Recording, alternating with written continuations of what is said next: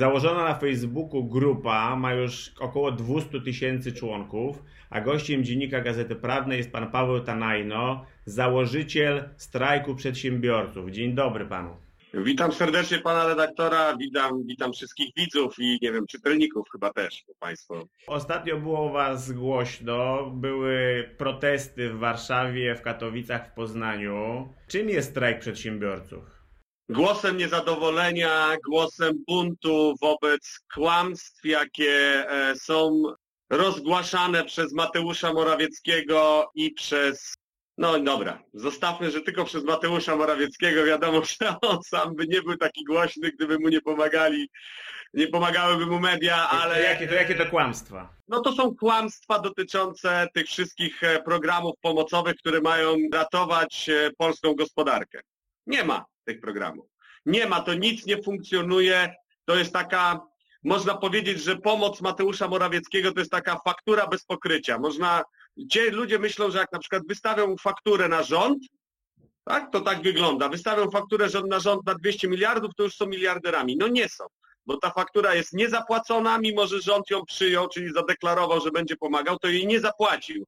I w rzeczywistości przedsiębiorcy nie mają żadnego wsparcia, czyli po prostu nie ma przepływów pieniężnych, a to jest najważniejsze. No właśnie, nie jakie, jakie, jakie są nie... wasze postulaty, bo tego niezadowolenia rzeczywiście bardzo dużo słychać w waszych e, komunikatach, w postach, które się znajdują na, na, na waszej grupie, ale jakie są konkretnie postulaty? Czego, czego, czego oczekujecie od rządu? Postulaty. No, czyli tutaj jest podejście z dwóch stron do tego. Po pierwsze, jeżeli przyjmiemy retorykę rządu, z którą się nie zgadzamy, ale przyjmiemy, że oni chcą nam pomóc, no to wtedy oczekujemy przede wszystkim, że przestali kłamać i żeby zorganizowali tą pomoc tak, jak deklarują. I jaki jest problem z tą pomocą? Otóż między deklaracją a przelewem na konto przedsiębiorcy jest przepaść, a tą przepaść rząd buduje poprzez niejasne procedury, poprzez całą masę urzędników, którzy muszą przerobić te wnioski. Proszę zwrócić uwagę, że gdy rząd potrzebuje pieniędzy, to potrafi sobie zorganizować wszystko elektronicznie. Mamy pliki JPK, mamy deklaracje elektronicznie, Przedsiębiorcy wysyłając te pliki budują gigantyczną bazę danych, gdzie jak rząd na przykład ostatnio chciał e, śledzić e, nadużycia finansowe z wykorzystaniem funduszy, e, funduszu rozwoju, no to po prostu urzędnicy wymyślili razem z ABW algorytm, który to algorytm w oparciu właśnie o tą bazę danych z plików JPK wyszukuje, analizując kontrahentów, przepływy i tak dalej, gdzie może dojść do nadużyć. I my tego samego oczekujemy w ramach tej pomocy finansowej. Czy to jest absurd, żeby milion pięćset wniosków zostało rozpatrzone przez ZUS? Oni rozpatrzyli tych wniosków może kilka procent. To jest absurd, żeby teraz wysyłać do banków jakiś program, niby z tej tarczy 2, której jeszcze nie ma, ona właściwie nie działa, ale wysyłać ten program i oni, i co, banki będą badać teraz zdolność kredytową, jak banki już odpowiadają wszystkim restauratorom, hotelarzom, fryzjerom i w ogóle przy całej branży usługowej odpowiadają, jesteście niewiarygodni, jesteście bankrutami. To nam mówią banki. Jest coś takiego, co by się musiało, co by się musiało wydarzyć, żebyście powiedzieli, dobra, jest w porządku, przestaniemy wychodzić, znaczy wyjeżdżać w zasadzie na ulicę. Co musi takiego nastąpić? Czy jest coś takiego wymiernego? Zmierzam do końca tej myśli. Pan zapytał, jakie jest problem z tarczą. Właśnie problem jest taki, że między deklaracjami a przelewami jest przepaść, która uniemożliwia te przelewy. Nie ma tych przelewów. Więc jak pan pyta, jaki jest finał tego, jaki jest nasz postulat, żebyśmy nie wyjeżdżali, przelewy. Chcemy mieć pieniądze na kontach, po prostu. Ta cała ich pomoc, jaką oni deklarują, ma się znaleźć na kontach firm nie we wnioskach urzędów, nie, i to ma być skala, wiadomo, że to się nigdy nie uda 100% przelać, ale niech to będzie skala 70-80%, a nie 5-10, tak? To jest ta, ten problem. Druga sprawa jest taka, zasadnicza, aczkolwiek ona jest dług, bardziej długofalowa, ale też jest powodem tego protestu. Otóż ta narracja o tej pomocy to jest po prostu bezczelne kłamstwo bo po prostu w tym państwie doszło do zamknięcia rynku lub do bezpośredniego ograniczenia działalności rozporządzeniami i to my nie oczekujemy do końca pomocy od, od, od państwa, czy oni sobie mogą tak to nazywać, tak? Mateusz Morawiecki może w przekazie medialnym, w takiej narracji publicznej, żeby się popisać, mówić o pomocy, ale my przedsiębiorcy te przelewy, które mają przyjść, nazywamy odszkodowaniami. I my po prostu oczekujemy odszkodowań za straty wywołane przez nieodpowiedzialną politykę rządu. Tak więc to są te dwie sprawy. Pierwsza, niech zamienią pomoc na przelewy, a nie na deklaracje, a druga, będziemy walczyć o to, żeby to absolutnie nie było traktowane jako pomoc, tylko jako odszkodowania. One oczywiście według założeń teoretycznych tej tarczy 2 mogą się te przelewy, kredyty przekształcić w takie odszkodowania, jeżeli rząd na przykład postawi warunek, że firma działająca przez kolejne 6 czy tam 12 miesięcy będzie miała umorzona ten kredyt. Okej, okay. tylko to jeszcze wszystko nie istnieje, to są wszystko deklaracje, są puste słowa, a minister Emilewicz mówi, że my jesteśmy zapiekowani. Gdzie? I pokazują dwóch prezesów z Black Rent NY i z CCC, gdzie dla nas to jest jak splunięcie twarz przedsiębiorców, dla nas to są jak kolaboranci z okupantami. No przecież nie ma tych przelewów. Może oni dostali przelewy. Może sobie załatwili przez Business Club, że dostali 22 milionów, były tam jakieś informacje prasowe na ten temat. Ale cała rzesza małych i średnich przedsiębiorców jest totalnie lekceważona totalnie olewana. Wygląda to dla nas, z naszego punktu widzenia, wygląda to na zaplanowaną eksterminację. Po prostu opowiada się, że jesteśmy zaopiekowani, nie robiąc nic. Żadnych przelewów. Nas interesują przelewy, nie deklaracje, nie opowieści. My nie jesteśmy politykami, my chcemy mieć pieniądze na kontach. Metody. Chciałem teraz zapytać Pana o metody. Już część widzimy. Jeździcie samochodami po dużych miastach, zwracacie uwagę na problem, jak rozumiem szykuje się chyba coś dużego, bo tak wynika z tego, co widziałem wczoraj w przekazie, który mieliście live z Poznania, z waszego protestu. My jesteśmy niezwykle grzeczni. Szanujemy niezwykle przepisy prawa. To wszystko, co my robimy, to jest bardzo grzeczne, spokojne, nie przypomina demonstracji górników, nie przypomina niczego. I to jest rzeczywiście nadal taka nie skala będziecie, Nie będziecie palić opon. Nie paliliśmy.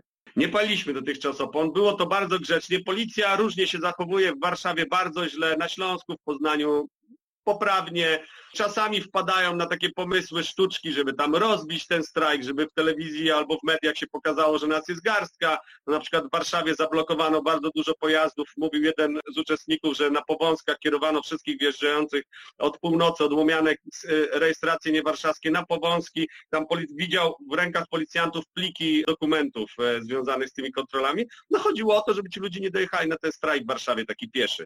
Podobny Trochę tam na Śląsku też kombinowali, tak żeby nas rozbić nam trasę przejazdu i żeby to nie było takie liczebnie, optycznie ciekawe dla mediów.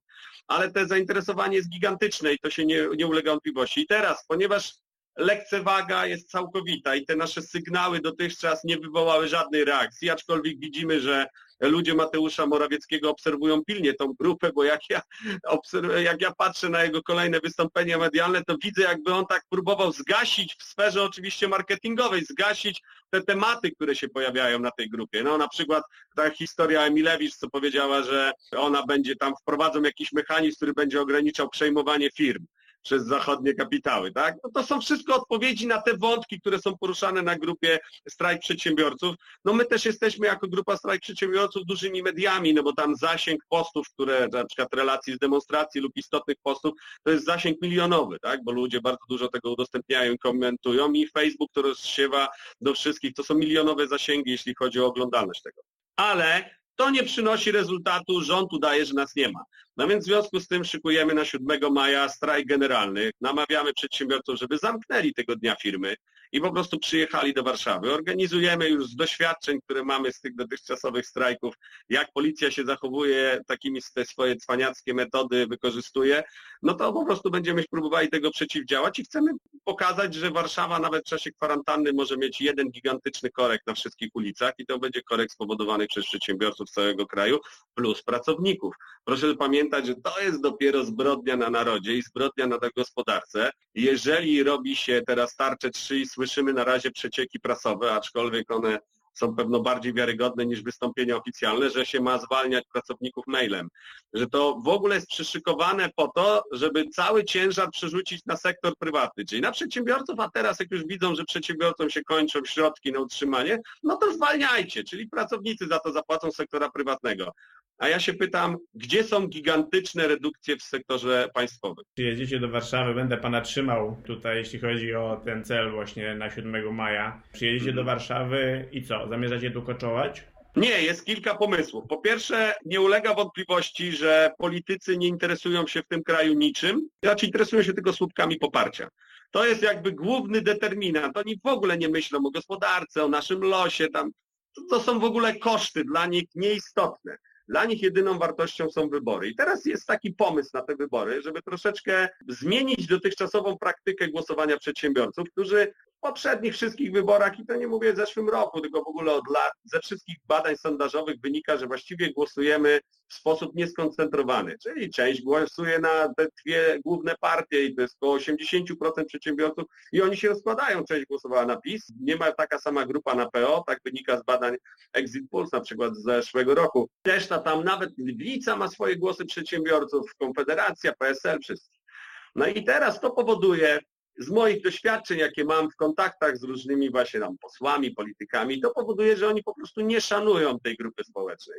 Ponieważ nie jesteśmy w stanie, nie jesteśmy dla nich interesującym elektoratem, bo jesteśmy rozbici. I pomysł jest taki, żeby wykorzystać te wybory. Ja akurat tak się składa, że kandyduję. Jeżeli przy... Ja nie mam żadnego zaplecza partyjnego. Nikt za mną nie stoi. Ja jestem bezpartyjny, w tej chwili kandyduję sobie po prostu sam. Jeżeli... Z demokracją bezpośrednio już pan nie jest powiązany? Nie, nie jestem. Jestem bezpartyjny, zrezygnowałem. Zresztą ta partia była taką bardziej no, kanapową formacją, która e, zrzeszała ludzi, fascynatów tej idei takiej e, zarządzania państwem jak Szwajcarii, ale zostawmy to. I teraz, jeżeli przedsiębiorcy decydują się pokazać głos na kandydacie, proszę zauważyć, że ja nie występuję w żadnych sondażach. Teraz Newsweek robi debatę, pan Lisk, bojownik o demokrację, ocenzurował kandydatów, stwierdził, że zaprosił wszystkich, ale mnie nie zaprosił i w ogóle się mną nie interesuje. I tak jest wszędzie. Czyli ja jestem kandydatem nieznanym nikomu i przez żadne media, ani przez żadne sondaże nie jestem napompowany. No więc jeżeli przedsiębiorcy skoncentrują głos na takim kandydacie, no to wtedy należy się liczyć, że w drugiej turze wszyscy przyjdą na kolanach po ten głos do przedsiębiorców, a my wtedy poprosimy o te przelewy. Czyli trochę, czyli trochę, jeśli dobrze rozumiem, trochę jest tak, że strajk przedsiębiorców, poza tym, że jest samodzielnym, próbą samodzielnego wpływu na rządzących, to oprócz tego jakby ma nakręcić również pana kandydaturę na prezydenta. Nie, nie, mówię od razu, że na zwycięstwo, ale rozumiem, że chodzi o to, żeby, żeby pana siła wyborcza była większa.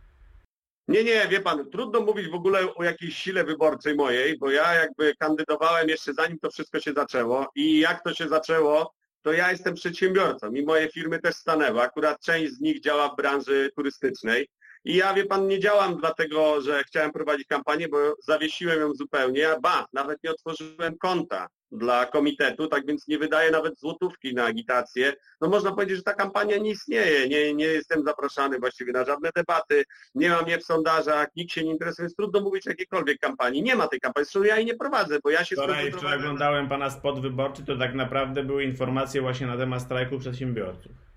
A no to tak, no dostałem gratisowo, jak wszyscy kandydaci, blok wyborczy w TVP i go wykorzystałem do promocji strajku. No bo to jest, wie pan, to jest mój interes, tak? Mój, ja nie żyję z polityki, ja żyję z firmy, tak jak właśnie tysiące, setki tysięcy ludzi na tej grupie, ja żyję z działalności gospodarczej, którą prowadzę.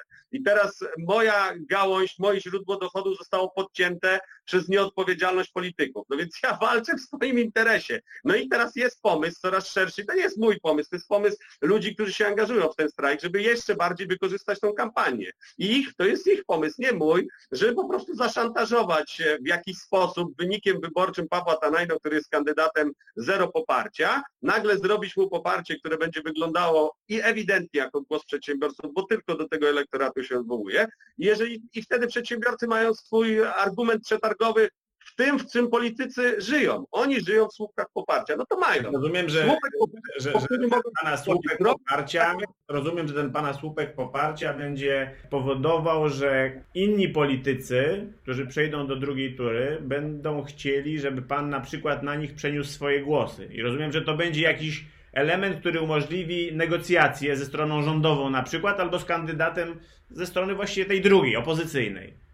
Wie pan co, ja powiem coś niepopularnego, ale ja nie jestem politykiem i strajk przedsiębiorców też nie zajmuje się politykiem. Jak pan My nie chcemy... jest politykiem? Już drugi raz pan kandyduje pan... na prezydenta, kandydował pan do Sejmu.